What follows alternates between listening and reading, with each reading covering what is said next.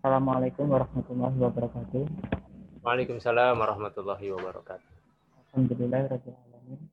Wassalatu wassalamu ala asrafil anbiya wal mursalin. Sayyidina wa malana Muhammadin wa ala alihi wa sahbihi ajma'in. Pertama, marilah kita panjatkan bersyukur kehadirat Allah Subhanahu wa taala yang dengan rahmatnya kita bisa berkumpul melalui media Zoom dalam keadaan sehat dan sehat. Selanjutnya salat serta salam semoga selalu tercurah kepada Nabi besar Muhammad SAW serta keluarga dan para pengikutnya.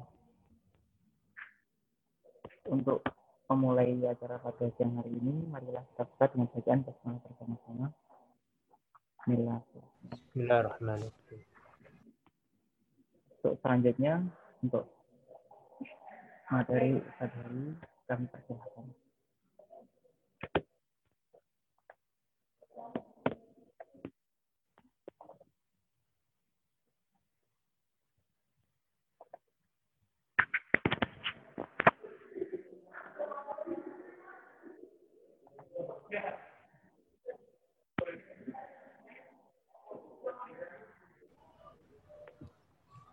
Sudah terlihat? Sudah, Ustaz.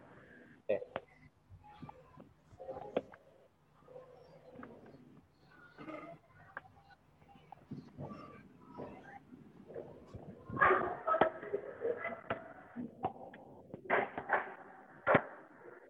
Bismillahirrahmanirrahim.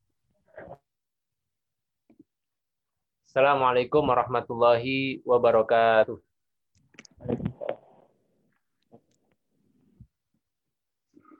Alhamdulillahi Alamin. Wassalatu wassalam ala ashrafil anbiya'i wal mursalin. Sayyidina Muhammadin wa ala alihi wa ashabihi wa man tabi'ahum bi ihsanin ila yaumiddin. Amma ba'du.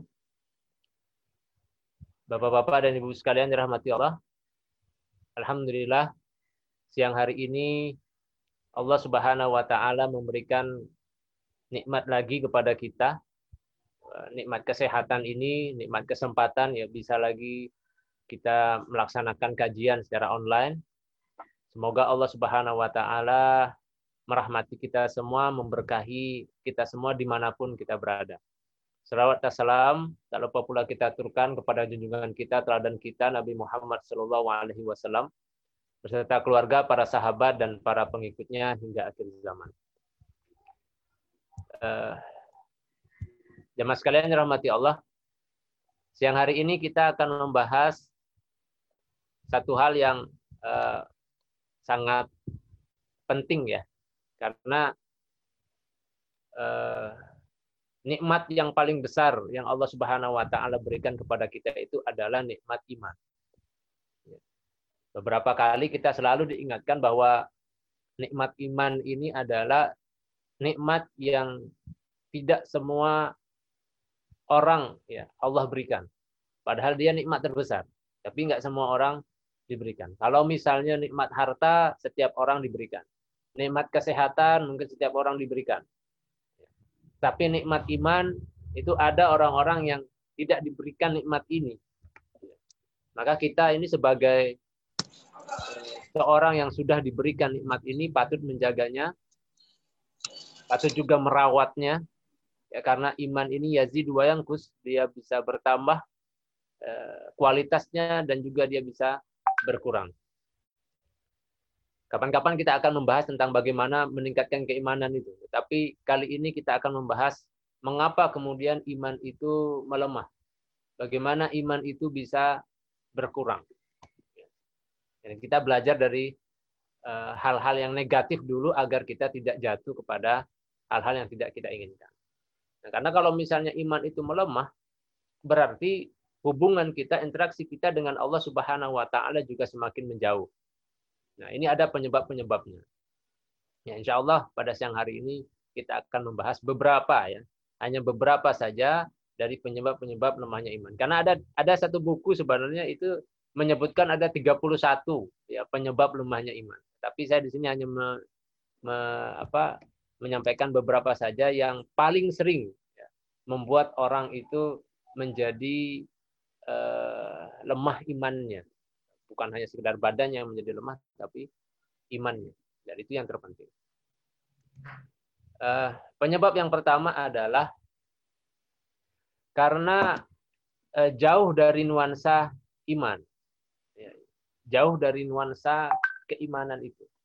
Ya, karena kita kan uh, manusia ini kan di mana-mana ya. Jadi kadang-kadang di kantor, kadang-kadang di di rumah, ya. kemudian kadang-kadang nongkrong bersama teman-teman. Nah, di mana pun kita berada itu seharusnya, seharusnya ya, eh, idealnya itu ada nuansa keimanannya. Makanya di dalam Al-Quran, dalam surah Al-Hadid ini, ayat 16, Allah Subhanahu wa taala berfirman, "Alam yakni lilladina amanu an takhsha'a qulubuhum." Belumkah datang waktunya bagi orang-orang yang beriman? Ini kan seruannya bagi orang-orang yang beriman yang sudah memiliki iman di dalam hatinya. Belumkah datang waktunya untuk tunduk hati mereka mengingat Allah? Antah sya'akulubum. Ini pertanyaan bukan pertanyaan untuk dijawab, tetapi pertanyaan untuk menyindir orang-orang beriman. Eh, apa belum datang waktunya? Ya. Apa belum pantas? Ya. Atau apa apa belum layak orang-orang beriman ini untuk lebih khusyuk hatinya lidzikrillah, mengingat Allah Subhanahu wa taala. Nah, seakan-akan orang-orang beriman ini sudah lalai, banyak lalainya gitu, sehingga Allah tegur alam yakni lil ladina amanu an takhsha'a qulubuhum lidzikrillah. Ya. Artinya kalau dihilangkan pertanyaannya, sudah datang seharusnya waktunya untuk orang-orang beriman ini menundukkan hati mereka ya, untuk mengingat Allah Subhanahu wa taala wa manazala minal haq dan tunduk hati mereka itu kepada kebenaran yang telah turun kepada mereka yaitu Al-Qur'an yaitu Islam. Wala yakunu kalladina utul kitab dan janganlah mereka seperti orang-orang yang sebelumnya telah diturunkan Alkitab kepadanya. Pengikut uh, Nabi Musa dari Bani Israel atau pengikut Nabi Isa, pengikutnya Nabi Nuh ya. Dan nabi-nabi sebelumnya yang sudah diturunkan Alkitab kepada mereka itu Kemudian berlalulah masa yang panjang atas mereka, ya. Fatola alaihim alaihimul amad. Jadi dibiarkan saja hati mereka itu lalai. Sampai berlalu masa yang panjang, dia tidak khusyuk, tidak lagi peduli dengan hatinya, tidak lagi mengkaji kebenaran-kebenaran yang Allah turunkan kepadanya dalam Alkitab. Ya. Sudah panjang waktu berlalu, nah, fakosat kulubuhum, maka hati mereka menjadi keras. Artinya semakin lama semakin melemah, melemah, melemah, akhirnya menjadi keras. Wa katsirum minhum fasikun dan kebanyakan di antara mereka adalah orang-orang yang fasik. Yang fasik, fasik ini kan eh, selalu apa, eh, menikmati kemaksiatan besar. Jadi dia mukmin, tapi kemudian dia berislam gitu, tetapi melakukan kemaksiatan-kemaksiatan yang besar, dia terus melakukan kemaksiatan besar, ini adalah uh, disebut orang-orang yang fasik. Ya, fasik. Nah, ini ini ayat sebagai pembuka bahwa sebenarnya eh, sudah datang kepada kita semua orang-orang beriman ini waktunya untuk menundukkan hati kita. Artinya menundukkan itu antaksya'a. Taksya'a itu artinya khusyuk. Ya, khusyuk hati kita ini untuk mengingat Allah Subhanahu wa taala. Jadi bukan berarti kita tidak boleh ngumpul-ngumpul di rumah. Jadi harus ngumpul di masjid gitu. Bukan begitu maksudnya. Ya, ada orang-orang yang ngumpul di masjid tetapi ya isinya itu tidak tentang keimanan, ada juga. Tapi ini adalah substansi dari ngumpul itu atau substansi kita berada di mana saja itu intinya adalah lirikrillah untuk mengingat Allah dan untuk mengkaji kebenaran-kebenaran yang ada yang sudah diturunkan kepada kita semua. Itu intinya ya. Intinya ayat ini. Maka salah satu faktor mengapa iman kita lemah ya karena jauh dari nuansa keimanan. Maka sebelum begitu jauh apa terlalu jauh gitu ya, sebelum terlalu jauh, maka kita harus mendekat kepada nuansa-nuansa keimanan itu. Datangi pengajian-pengajian apa apalagi sekarang ini masa-masa pandemi ini banyak yang merasakan kering, artinya eh, apa di dalam hatinya itu tidak ada eh, ya, merindukan nuansa keimanan lagi karena misalnya masjid tidak terlalu bebas terbuka, Kemudian kajian-kajian belum banyak yang uh, dibuka kembali ya, yang yang yang artinya mengumpulkan masa di sana dan kita saling uh, bermuhasabah di sana. Itu belum belum. Makanya banyak orang-orang yang merasa imannya lemah dan merindukan ya nuansa-nuansa keimanan itu. Nah, ini jangan sampai berlalu. Jangan sampai berlanjut terlalu lama sehingga ya naudzubillah hati kemudian menjadi keras ya. Naudzubillah. Ini yang pertama. Faktor yang pertama yang harus kita jauhi. Jauh dari nuansa. Kemudian yang kedua, ah, ini sebelum sebelum kedua ya, ini ada satu lagi saya lupa. Ini perkataan Hasan Al Basri, seorang tabiin. Ikhwanuna ahabbu ilaina min ahlina wa auladina. Kata beliau, ikhwah artinya saudara-saudara kami itu lebih kami cintai dari keluarga kami. Wa auladina dan ahlina wa auladina itu keluarga dan anak-anak kami. Lianna ahlina yudakiruna ad-dunya. Sebab keluarga kami ini sering mengingatkan kami kepada dunia. Ah, wa ikhwanuna yudakiruna al-akhirah. Tetapi saudara-saudara kami mengingatkan kami kepada akhirat. Ini bukan artinya untuk membenci keluarga, bukan. Tetapi keluarga ini kan memang kalau kita lagi ngumpul sama keluarga itu kan yang kita bahas misalnya keuangan keluarga, ya kan pendidikan baik belum bayar sekolah misalnya anak kan begitu. Kerjaan bagaimana kan begitu sebenarnya. Ya. Tetapi kalau kita uh, ngumpul bersama teman-teman yang tepat, teman-teman yang tepat, nah itu ada penyeimbang di keluarga sudah fokus bicara dunia, kemudian ketika berkumpul sama teman-teman jangan bicara dunia lagi gitu. Tetapi ada saling saling uh, muhasabah, saling menasehati. Makanya perkataan uh, Umar bin Khattab yang kemudian terkenal ya, ya, seorang sahabat itu, dia mengatakan gini, ketika ketemu temannya dia bilang, "Ta'al, kemari." najlis nu'minus Kita duduk-duduk di sini, kita beriman sejenak. Artinya beriman sejenak itu, mari kita di sini duduk bareng bermuhasabah atau melakukan sesuatu yang bisa meningkatkan keimanan kita. Ayya nu'minus Ayo kita di sini beriman sejenak.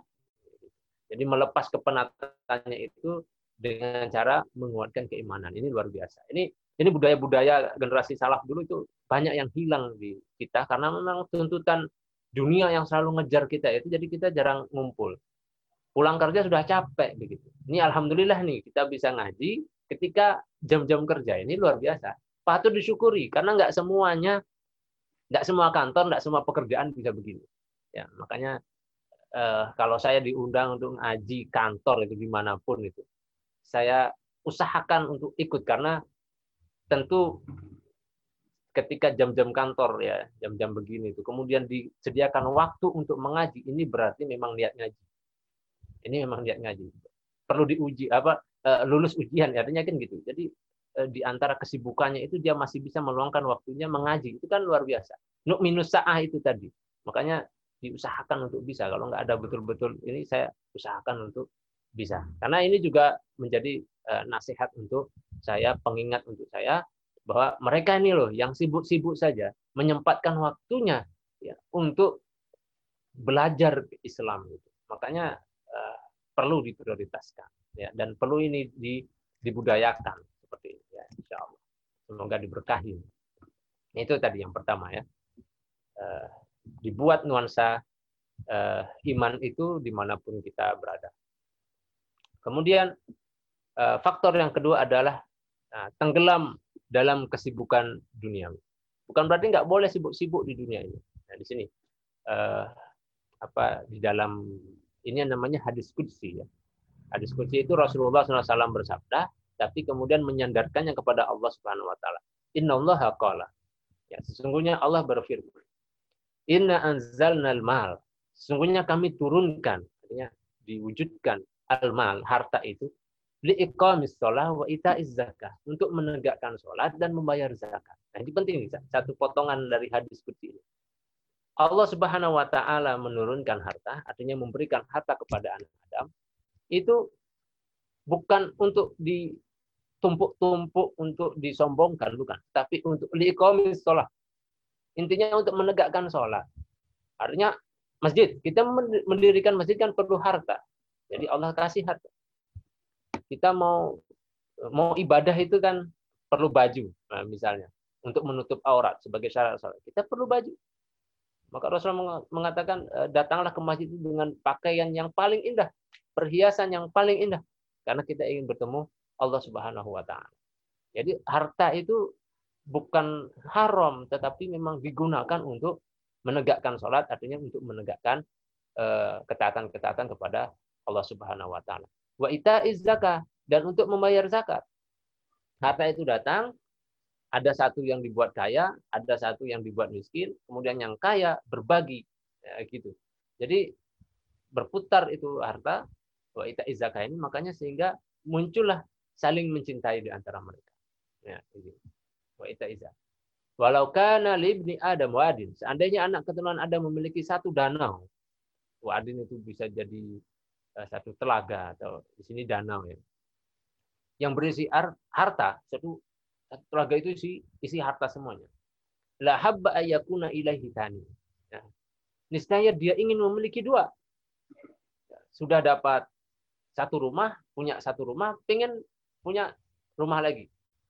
Ya. Punya HP yang bagus, pengen punya dua. Begitu terus. Punya mobil satu, pengen dua. Terus. Ya. Karena kalau diikuti, semua keinginan-keinginan itu tidak akan ada habisnya. Ya. Ayakuna ilahi tani. Walau kana lahu wadian, dan jika dia memiliki dua telaga yang penuh juga dengan harta, la habba yakuna ilaihi matalib. Dan tentu mereka juga ingin memiliki uh, dana atau telaga yang yang ketiga yang berisi harta. Jadi nggak akan puas-puas. Wala yamla ibni Adam illa turab. Nah, dan tidaklah anak Adam akan puas kecuali setelah dipenuhi tenggorokannya oleh tanah. Kita makan ini makan kenyang lapar lagi, makan kenyang lapar lagi, terus begitu. Kalau ingin dituruti itu semua keinginan kita itu tidak akan tidak akan pernah puas. Ya. Sampai kemudian Job Ibnu Adam di sini disebutkan uh, agak sedikit lebih ini ya keras gitu ya Rasulullah mengatakan uh, anak Adam itu tidak akan puas kecuali sudah dipenuhi tenggorokannya oleh oleh tanah. Artinya apa? Dikubur sebelum mati uh, itu manusia tidak akan pernah puas. Makanya dalam surah At-Takatsur itu alhaqumut takatsur hatta zurtumul maqabir. Jadi bermegah-megahan itu telah melalaikan kamu bahkan sampai engkau berziarah ke kubur. Artinya sampai engkau datang kepada kubur artinya mati. Dia tetap takatsur. Tetap eh, kebanyakan manusia itu dilalaikan dengan bermegah-megahan permasalahan harta dan dunia. Lalu Allah mengampuni siapa saja yang bertobat. Ya, Tumma yatubullahu ala man taba. Nah, makanya kembali lagi ke ayat yang sebelumnya tadi. Alam yakni lilladzina amanu an takhsha'a. Sudah waktunya orang-orang beriman ini untuk khusyuk hatinya untuk kemudian bertobat kepada Allah Subhanahu wa taala. Jangan sampai bermegah-megahan tadi melalaikannya memperbanyak harta itu boleh tapi jangan sampai melalaikan kita dengan uh, tujuan kehidupan kita yaitu beribadah kepada Allah Subhanahu wa taala. Ya. Tenggelam dalam melakukan. Makanya dunia itu dunia itu tidak tidak haram ya. Bahkan Allah mengatakan huwallazi khalaqalakum ma fil ardi jami'a. Dialah Allah yang telah menciptakan untuk kalian ini semuanya semua yang ada di muka bumi ini diciptakan memang untuk manusia. Dunia ini memang diciptakan untuk manusia. Tapi orientasinya apa? Tujuannya apa? Yaitu membantu manusia ini beribadah kepada Allah. Bukan untuk diklaim ini saya punya tanah ini saya ini saya saling kasur tadi bermegah-megahan tadi, bukan. Ya. Jadi untuk ditundukkan harta itu membantu Eh, menjalankan ketaatan kepada Allah Subhanahu wa taala. Ya. Ini faktor yang kedua. Kemudian yang ketiga, nah, sibuk dengan urusan keluarga. Sibuk dengan yang tadi saya katakan. Ya.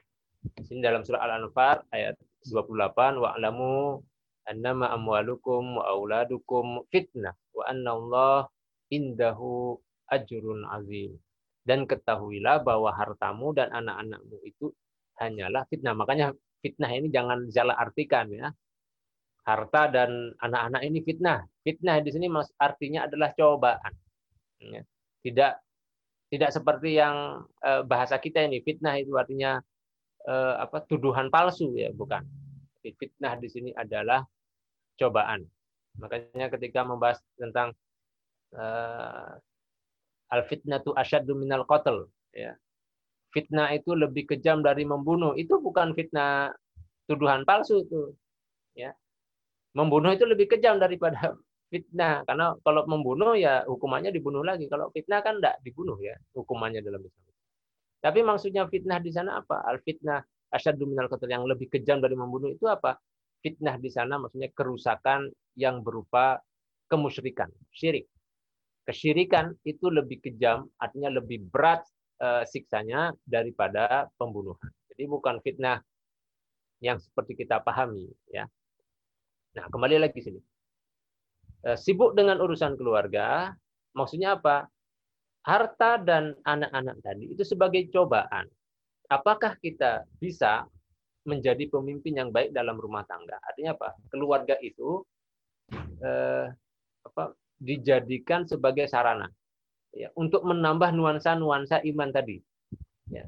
Kalau misalnya keluarga tadi uh, justru membuat kita lupa dengan Allah Subhanahu Wa Taala, berarti nanti kita yang jadi salah sebagai laki-laki, sebagai laki-laki.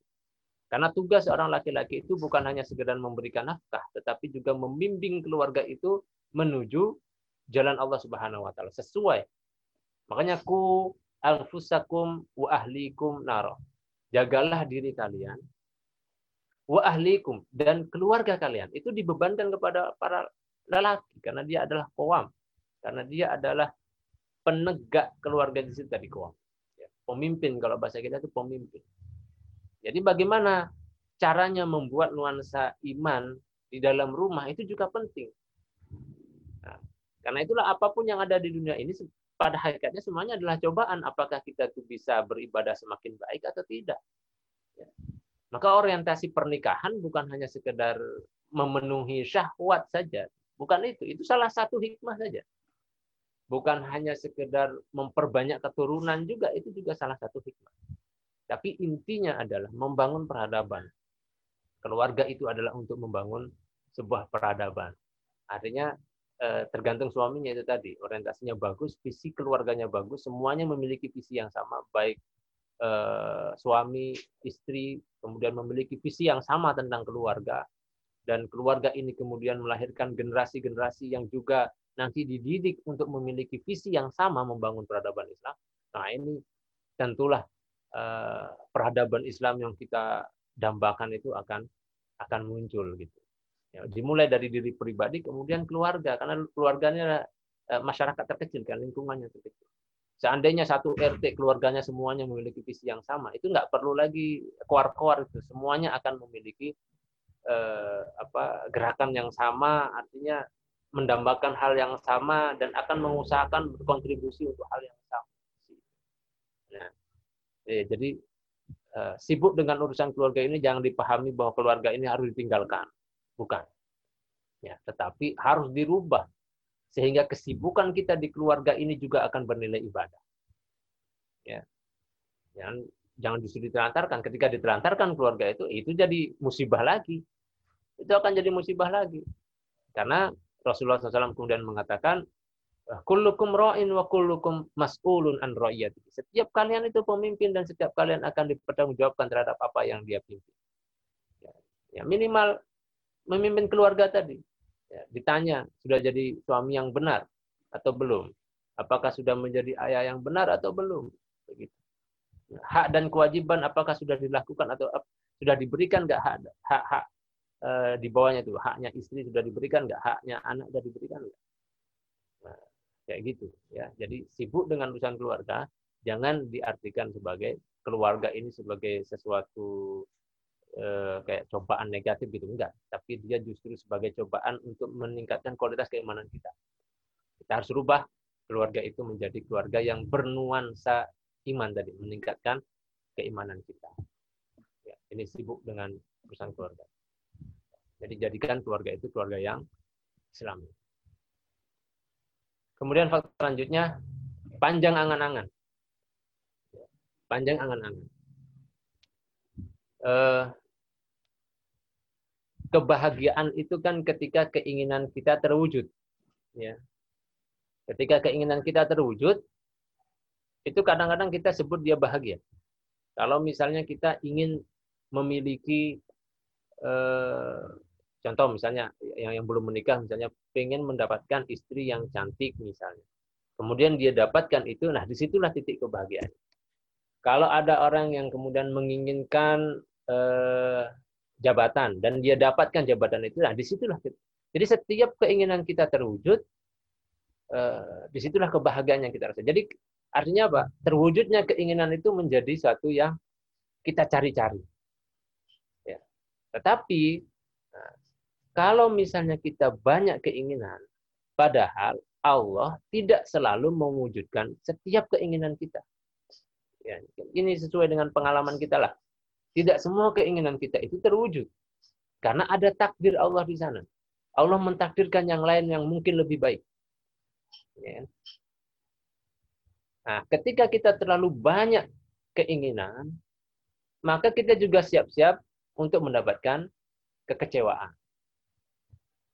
Supaya tadi keinginan kita itu tidak akhirnya eh, apa namanya eh, ber, ber, berakhir pada kekecewaan, keinginan-keinginan kita itu harus sejalan dengan kehendak Allah Subhanahu wa taala. Jangan hanya sebatas dunia, tapi keinginan kita harus melangit. Nah, kalau di sini panjang angan-angan ini maksudnya adalah keinginan-keinginan yang bersifat duniawi, sesuai dengan nafsunya saja. Maka surat Al-Hijr ayat 3 ini mengingatkan kita bahwa hidup tidak hanya sekedar di dunia saja dan keinginan itu jangan sampai hanya sebatas di dunia saja yang sempit ini. Nah, di sini dikatakan darhum yakuluna, eh, darhum yakulu wa yatamatta'u eh, wa yulhihimul amal. Biarkan mereka di dunia ini makan dan bersenang-senang dan dilalaikan oleh angan-angan mereka. Ini berbicara tentang orang-orang yang eh, tidak beriman kepada Allah. Jadi mereka, oh eh, hidupnya cuma sekali, ya sudah nikmati saja. Memang makan punya sekarang punya harta makan, ya makan sepuasnya. Ya. Eh, punya gaji dikumpulin setahun, kemudian keliling-keliling gitu, keliling-keliling dunia hanya untuk menikmati saja menikmati dunia ini, mencari pengalaman saja, hanya sebatas itu saja. Ya, me, apa, menghilangkan rasa penasarannya, pengen tahu misalnya ke mana keluar negeri, pengen tahu itu aja. Ya tamat tak namanya, ya. bersenang-senang. Wayul hihimul amal. Baru kemudian keinginan-keinginannya itu melalaikan dia. Kalau tadi uh, al-hakumut takatur, bermegah-megahan yang melalaikan. Tapi ini keinginannya saja sudah membuat dia lalai. Karena apa? Keinginannya itu tidak sesuai dengan apa yang Allah inginkan. Sebenarnya apa yang Allah inginkan? Ya, misalnya eh, apa ya? Keinginan kita untuk menjadi kaya misalnya. Contoh ya. Setiap orang kan pengen kaya gitu. Tetapi kekayaan itu bukan hanya sekedar untuk bersenang-senang, bukan hanya untuk makan. Dia kadang-kadang ingin kaya, ingin punya uang itu, harta itu ya, sesuai dengan keinginan Allah saya untuk infakkan di jalan Allah makanya eh, kata Rasulullah SAW itu la hasada illa fisnan eh, tidak ada hasad tidak ada iri hati kecuali pada dua golongan ya yang pertama kepada orang yang punya ilmu dan mengajarkannya jadi hasad itu kan artinya ada keinginan seperti dia gitu ya kepada orang yang berilmu dan ngamalkan. Jadi dia pengen sekali seperti orang berilmu itu dan bisa mengamalkan seperti orang berilmu. Dan yang kedua kepada orang yang berharta kemudian menginfakkannya di jalan Allah. Itu dia ingin gitu. Ya kan? Jadi keinginan-keinginannya dia itu tidak melalaikan dia dari keriduan Allah Subhanahu wa taala. Makanya di Allah katakan fasaufa ya'lamun. Dan kelak di akhirat nanti mereka akan mengetahui akibat mereka. Jadi kebanyakan angan-angan, kebanyakan angan-angan kemudian dia disibukkan untuk mewujudkan angan-angan tadi, nah, tapi umurnya terbatas. Justru yang tugas-tugas yang seharusnya dia lakukan itu terabaikan, ya kan? Tugas-tugas yang uh, untuk apa menegakkan sholat untuk zakat itu terabaikan karena terlalu fokus pada angan-angan yang bersifat dunia tadi. Ya. Makanya jangan terlalu panjang angan-angan. Kita harus eh, me, apa ya betul-betul mengatur itu ya. Biasanya di awal tahun baru itu kan biasanya kita eh, membuat apa namanya ya, kayak, kayak apa rencana kehidupan setahun gitu ya. Harus begini harus begini harus begini. Itu pastikan itu perencanaan perencanaan itu sesuai dengan kehendak Allah. Artinya ini bisa meningkatkan iman nggak nih? Meningkatkan iman nggak nih? Boleh kita rela itu boleh. Jalan-jalan itu boleh ya. Tetapi jalan-jalan kita ini nuansanya iman nggak? Atau jangan nyata mata saja ini ke tempat hal yang haram-haram itu naudzubillah jangan sampai. Tapi relahnya itu juga harus bernuansa Islam meningkatkan kualitas iman kita itu bagus ya sangat bagus nah makanya eh, bukan berarti tidak boleh memiliki satu keinginan tetapi jadikan keinginan-keinginan kita itu sesuai dengan kehendak Allah Subhanahu wa taala. Pastikan keinginan-keinginan kita ini eh kira-kira kalau saya melakukan ini diridhoi Allah enggak? Nah, ini. Jika saya mendapatkan ini kira-kira diridhoi Allah enggak? Jadi kayak gitu ya. Jadi jangan santap panjang angan. Sehingga angan ke keinginan-keinginan kita yang tadinya sudah eh, kita anggap sesuai dengan kehendak Allah itu, tapi tidak terjadi, itu kita tidak terlalu kecewa. Karena apa? Bukan untuk diri kita sendiri karena kita lakukan itu karena Allah Subhanahu wa taala. Jadi ketika Allah mentakdirkan tidak terjadi, berbeda dengan yang kita inginkan, itu kita tidak terlalu kecewa karena la illa billah. Tidak ada daya dan upaya melainkan dari Allah Subhanahu wa taala. Kita hanya merencana saja, ya kan? Ya, jadi gitu ya. Jangan jadikan keinginan kita hanya sebatas ini. Eh, nah, ini ini mungkin yang terakhir mungkin yang terakhir sebelum uh, apa namanya diskusi ini penting nih porsi makan dan tidur yang berlebihan itu ternyata juga bisa melemahkan iman. Porsi tidur dan makan yang berlebihan makanya di sini Rasulullah SAW ini mengatakan la tuksiru ad-dahik jangan kalian banyak tertawa fa inna kasratud dahik tumitul qalb ya eh, karena kebanyakan tertawa itu akan mematikan hati. Ini dalam masalah ketawa ini. Masalah ketawa. Apa hubungannya dengan makan tidur dan Sebenarnya ini satu hadis yang mewakili semua. Artinya apa? Makan, tidur, tertawa itu semuanya hal-hal yang mubah dilakukan. Mubah dilakukan. Tapi kalau kebanyakan hal-hal yang banyak-banyak itu porsinya itu justru akan melemahkan iman berhibur, main-main, itu boleh. Mubah, artinya nggak dapat pahala, tidak mendapatkan e, dosa. Boleh. Contohnya ya, main game misalnya. Main game itu mubah. Boleh. Ya kan? Tetapi kalau sudah porsinya banyak, 24 jam misalnya, 8 e, jam dipakai kerja, 8 jam dipakai tidur, kemudian 8 jamnya ngegame, wah itu kan porsinya banyak sekali. Ya kan? Nah itu bisa melemahkan melemahkan iman. Eh, apalagi, jadi hal-hal yang bersifat mubah kalau terlalu banyak itu juga masalah. Tertawa itu mubah boleh-boleh saja. Ya Rasulullah juga pernah tertawa. Rasulullah itu juga pernah ngelucu. Bukan berarti ngelucu nggak boleh. Jadi kaum muslimin semuanya merengut, tidak ada senyumnya enggak. Ya, ada. Tapi ada waktunya kapan kita tertawa, ya, kapan kita menghibur diri. Ya, hanya hanya ya selingan saja itu selingan saja bukan inti tapi kalau setiap hari bercanda setiap hari tertawa ke mana-mana pokoknya makan aja isinya. Ya itu terlalu banyak porsinya terlalu banyak.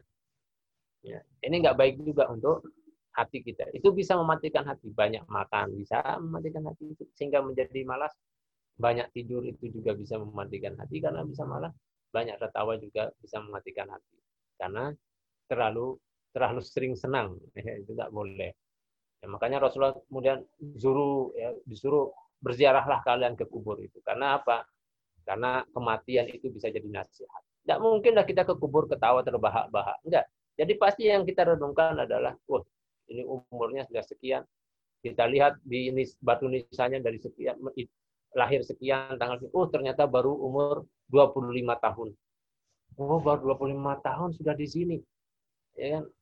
Dihitung-hitung dari umur balik 15 tahun misalnya baru 10 tahun dia menjadi mukallaf ya, yang dibebani syariat sudah berapa banyak itu ibadah dan sekarang umur saya berapa itu kan Tidak bisa kita tertawa.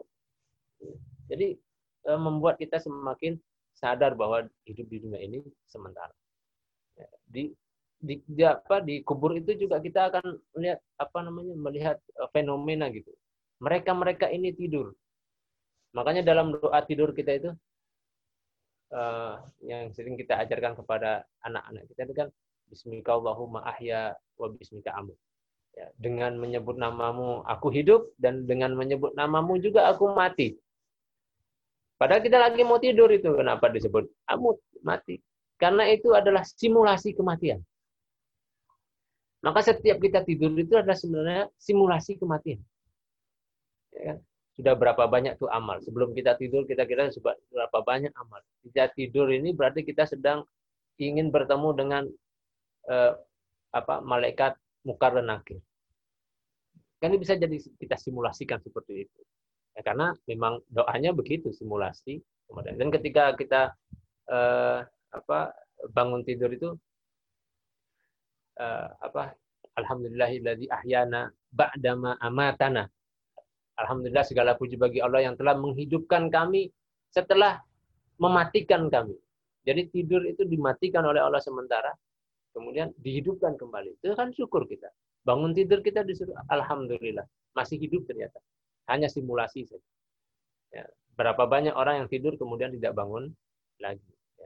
Dan semoga Allah Subhanahu wa taala itu menjaga kita dari hal-hal yang buruk ya dan kemudian memberikan kita kekuatan untuk bisa beristiqomah ini menjaga merawat keimanan kita bahkan meningkatkan kualitas iman kita ini uh, supaya tidak terlampau melemah melemah melemah dan naudzubillah menjadi keras ya hatinya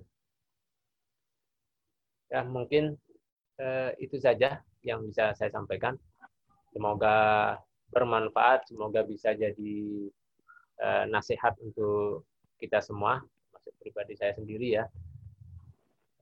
Saya mohon maaf bila ada salah kata, silakan kalau ada yang ditanyakan bisa ditanyakan. Saya kembalikan lagi kepada MC, monggo. Baik, terima kasih Ustaz atas uh, materi yang disampaikan. Langsung ke sesi tanya jawab bagi teman-teman yang ingin bertanya, dipersilahkan menyampaikan lewat chat Ini beberapa ada, sudah ada yang masuk, Ustaz. Ya, silakan. Uh, Ustaz, jika semua yang ada di dunia adalah ujian, maka apakah benar jika seseorang itu berpikir bahwa manusia hidup sendiri, nanti juga akan mati sendiri, dalam, dalam hal ini mengakibatkan seseorang menjadi egois, atau asik sendiri dengan hubungannya dengan Allah. Ya. Baik, uh, menarik ya pertanyaannya. Kalau misalnya ada seorang yang berpikir manusia itu ya hidup sendiri, mati ya sendiri juga gitu. Jadi akhirnya egois. Ya. Tapi kalau dipikir-pikir sebenarnya kita nggak bisa hidup sendiri. Ya. Nggak ada kita bisa hidup sendiri itu. Orang kita lahir aja membutuhkan bapak dan ibu. Ya. Kalau kita nggak ada bapak dan ibu, gimana kita bisa lahir? Kemudian untuk makan satu piring saja itu kita butuh berapa orang? Nasi yang kita makan itu kita butuh mungkin berpuluh-puluh petani. Kemudian sayur yang kita makan misalnya bayam lah misalnya. Perlu eh, petani bayam. Perlu orang yang di pasar yang jualan. Kemudian perlu istri kita mungkin yang memasak. Tidak mungkin sendiri. Kita hidup nggak mungkin sendiri. Apa yang kita pakai dari pakaian, ya ada pabrik pakaiannya, ada penjual pakaiannya, ada penjahitnya, banyak sekali. Makanya setiap orang itu dibuat seperti jaring begitu. Kita itu kalau ada orang yang egois itu betul-betul eh, dia lupa diri Dia melupakan dirinya sendiri. Itu bahaya egois itu akan menjadi togut lama-lama itu. Karena apa? Karena merasa bisa sendiri. Ya kan? Karena bisa sendiri. Firaun itu kenapa disebut togut? Karena merasa bisa sendiri. Bisa membunuh sendiri, mematikan, menghidupkan sendiri, bisa memenuhi itu. Padahal dia juga membutuhkan tentara, dia membutuhkan nafas dari Allah. Lupa dia. Ya, makanya eh, kita tidak bisa hidup. Bahkan ketika kita mati pun itu kita nggak bisa sendiri. Terus siapa yang nguburin kita itu? Bagi yang merasakan ini, harus patut-patut dipikirkan. Orang kita mati saja, itu harus ada yang mengkafani, harus ada yang memandikan, harus ada yang menyolatkan. Ya. Jadi tidak bisa sendiri. Bahkan ketika kita dikubur itu kita membutuhkan doa orang-orang di sekitar kita. Nah makanya sekaranglah dibina itu hubungan, ya hubungan eh, apa interaksi dengan manusia itu karena ya kita saling memberikan manfaat kita saling memberikan manfaat. Ya, makanya dalam surah Al-Asr itu ya watawasau bil haq watawasau bisabr itu sebenarnya kita disuruh untuk membuat satu komunitas yang benar-benar bisa saling menasihatkan, siap memberikan nasihat, siap diberikan nasihat, siap memberi nasihat dan menerima nasihat. Itu komunitas, ya kan? Komunitas pengajian kah atau apa? Jadi yang satu visi itu. Nah, termasuk kalau misalnya rukun kifayah, kalau di kampung-kampung rukun kifayah itu komunitas interaksi kita bermasyarakat eh, agar hilang itu keegoisan dalam diri kita. Ya, jadi jangan berpikir manusia hidup sendiri. Manusia tidak akan pernah bisa hidup sendiri karena memang sunatullahnya begitu. Manusia itu diciptakan eh, membutuhkan orang lain. Bahkan Adam saja tidak bisa hidup sendiri, diciptakanlah Hawa dia Ya, diciptakan Hawa untuk menemani Adam sampai kemudian pada kita sekarang ini karena padahal Allah taala bisa saja ya, menjadikan Adam sendirian saja itu bisa. Tetapi Allah berkehendak ya untuk menjadikan teman hidupnya yaitu Hawa. Walau alam misal. Ya semoga semoga yang egois-egois ini cepat bertobat ya. Dan me, apa memperbaiki hubungan interaksinya dengan teman-temannya. Baik. Ada lagi ya, kan? Selanjutnya, Sat. Mohon izin tanya, Sat, apakah ada hadis yang menjelaskan tentang batas waktu tidur yang ideal kita dalam sehari? Nah, ya. Batas waktu tidur. Sebenarnya tidak ada ya uh, hadisnya itu. Secara secara uh, apa namanya eksplisit begitu tidak ada sih. Tapi kalau kita mau mengkaji lagi tidurnya Rasulullah SAW itu, karena beliau kan teladan. Meskipun beliau tidak mewajibkan seperti itu ya. Tapi kalau kita uh, apa kaji kehidupan beliau itu, beliau tidur itu misalnya sebelum zuhur itu disebut koilulah. Tidur siangnya Rasulullah itu sebelum zuhur. Kalau kita kan setelah zuhur. Makanya bangun tidur langsung pusing kita itu. Ya, tapi Rasulullah itu sebelum tidur. Pernah nggak misalnya kalian itu tidur, ya, menyengaja tidur di antara jam 10 lah ya sampai menjelang zuhur. Atau biasanya ya mungkin mungkin tidak tahu apa saya saja yang merasakan itu semuanya saya belum survei. Di antara jam itu pasti kita tuh ngantuk. Di kantor misalnya jam-jam segitu ya memang jam ngantuk. Semoga sepakat sama saya. Jadi jam segitu tuh pasti kita ngambil kopi, itu jam-jam ngantuk. Ketika mahasiswa itu jam-jam ngantuk itu ya antara mau-mau zuhur. Ya, jam-jam ngantuk. Itu sebenarnya tidur yang yang yang bagus. Setelah zuhur aktivitas lagi karena sudah enak. Nah, kemudian tidurnya itu kata Rasulullah SAW eh, apa kata Aisyah radhiyallahu itu Rasulullah itu kalau setelah isya kalau nggak ada urusan beliau tidur. Gitu. Jadi tidurnya di awal malam, bangunnya di apa menjelang pagi itu artinya Eh, di, di sepertiga malam lah beliau uh, bangun. Ya. Nah itu siklusnya begitu. Kalau nggak ada kerjaan eh, di awal malam tidurnya. Tapi ya memang uh, sistem kehidupan kita jadi berbeda. Ya, apa namanya? Uh, ritme kehidupan kita ini sangat berbeda. Sistem yang kadang-kadang membuat kita jadi uh, tidak bisa mengikuti itu ya. Untung saja Rasulullah SAW tidak memerintahkan harus seperti itu. Kalau harus seperti itu dijadikan sebagai seperti sholat wajib gitu, wah kacau kita banyak yang uh, tidak bisa melaksanakan. Ya, tapi itu adalah kalau kita mau meneladani apa yang dilakukan oleh Rasulullah itu bisa sangat baik. Kalau kita punya waktu untuk bisa mengatur ya waktu kita itu, itu sangat baik sekali. Itu batas waktu tidur yang ideal. Makanya saya pernah nanya sama ahli, bukan dokter ya, tapi ahli kesehatan lah, alternatif. Saya bilang begini, sebenarnya para sahabat itu tidurnya berapa jam sih? Jadi minimal kalau kita kan di, di, dikasih tahu tuh tidur kita tuh ada yang 8 jam, ada yang 6 jam. Ya. Tidur kita yang ideal itu Allah alam yang seperti apa. Tapi kalau saya baca para ulama itu tidurnya sedikit. Semuanya itu tidur sedikit. Umar bin Khattab tidurnya sedikit. Abu Bakar, apalagi Rasulullah SAW, tidurnya sangat sedikit. Di bulan puasa apalagi. Kalau kita bulan puasa semakin panjang tidurnya itu. Karena mau mau oh, mau sahur, tidurnya bisa di awal malam. Ya mempersiapkan. Tapi Rasulullah ternyata sholat tahajudnya itu panjang. Dari setelah Isya itu bisa sampai mau apa namanya? Mau sahur. Itu terawihnya itu berapa rokaat itu ya? Kalaupun 8 rokaat atau 11 rokaat itu panjang sekali eh, apa bacaannya itu. Karena saking panjangnya. Nah, makanya eh, apa ya? Tidur yang ideal itu ya tidurnya Rasulullah tadi ya. Koilullah, tidurnya siang, kemudian tidur di awal malam dan bangun di sepertiga malam. Ya. Walau alam Ada lagi? Ada Ustaz satu lagi.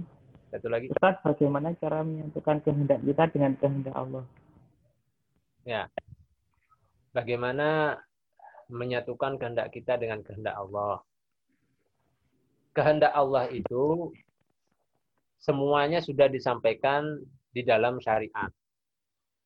Ya, wa aqimus shalah, ya, dirikanlah salat, wa zakah, eh, tunaikanlah zakat. Itu salah satunya itu berarti kehendaknya Allah kepada kita bahwa kita ini disuruh untuk menegakkan sholat, membayar zakat.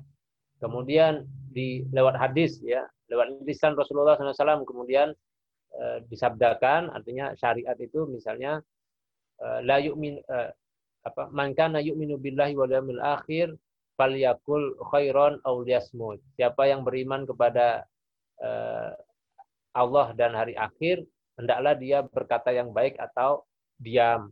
Itu kehendak Allah Subhanahu wa taala. Bahwa apa yang kita obrolkan atau apa yang kita bicarakan itu sebaiknya yang baik-baik saja. Itu kehendak Allah. Coba ke keinginan kita apa? Keinginan kita yang penting ngomong aja. Kan gitu.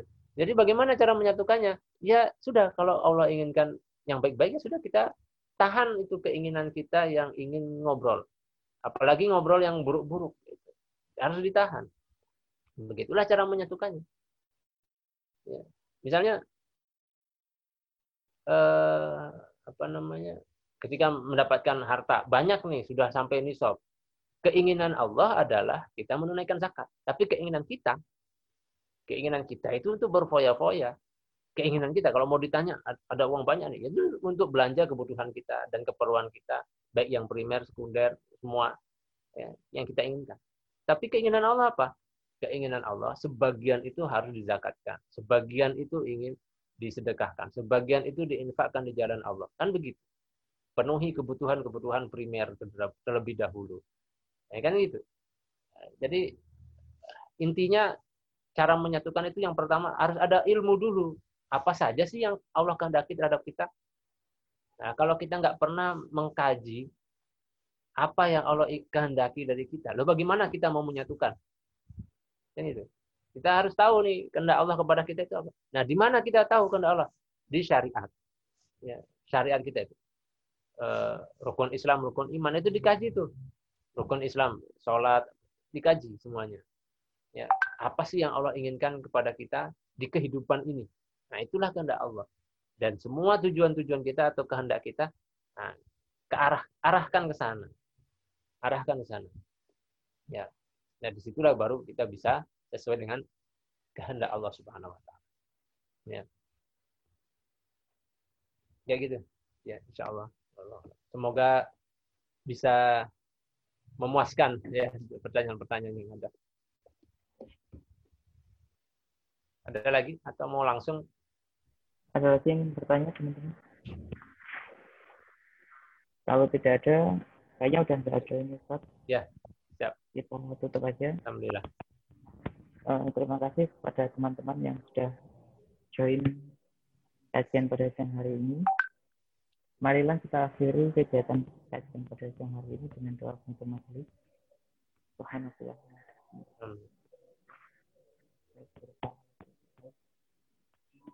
Terima kasih kepada Ustadz Heri atas uh, materi dan diskusi yang telah disampaikan. Akhir kata, Assalamualaikum warahmatullahi wabarakatuh. Waalaikumsalam warahmatullahi wabarakatuh. Baik, syukuran jazakumullah. Izin pamit ya. Ya, Ustaz. Terima kasih, Ustaz. Betul.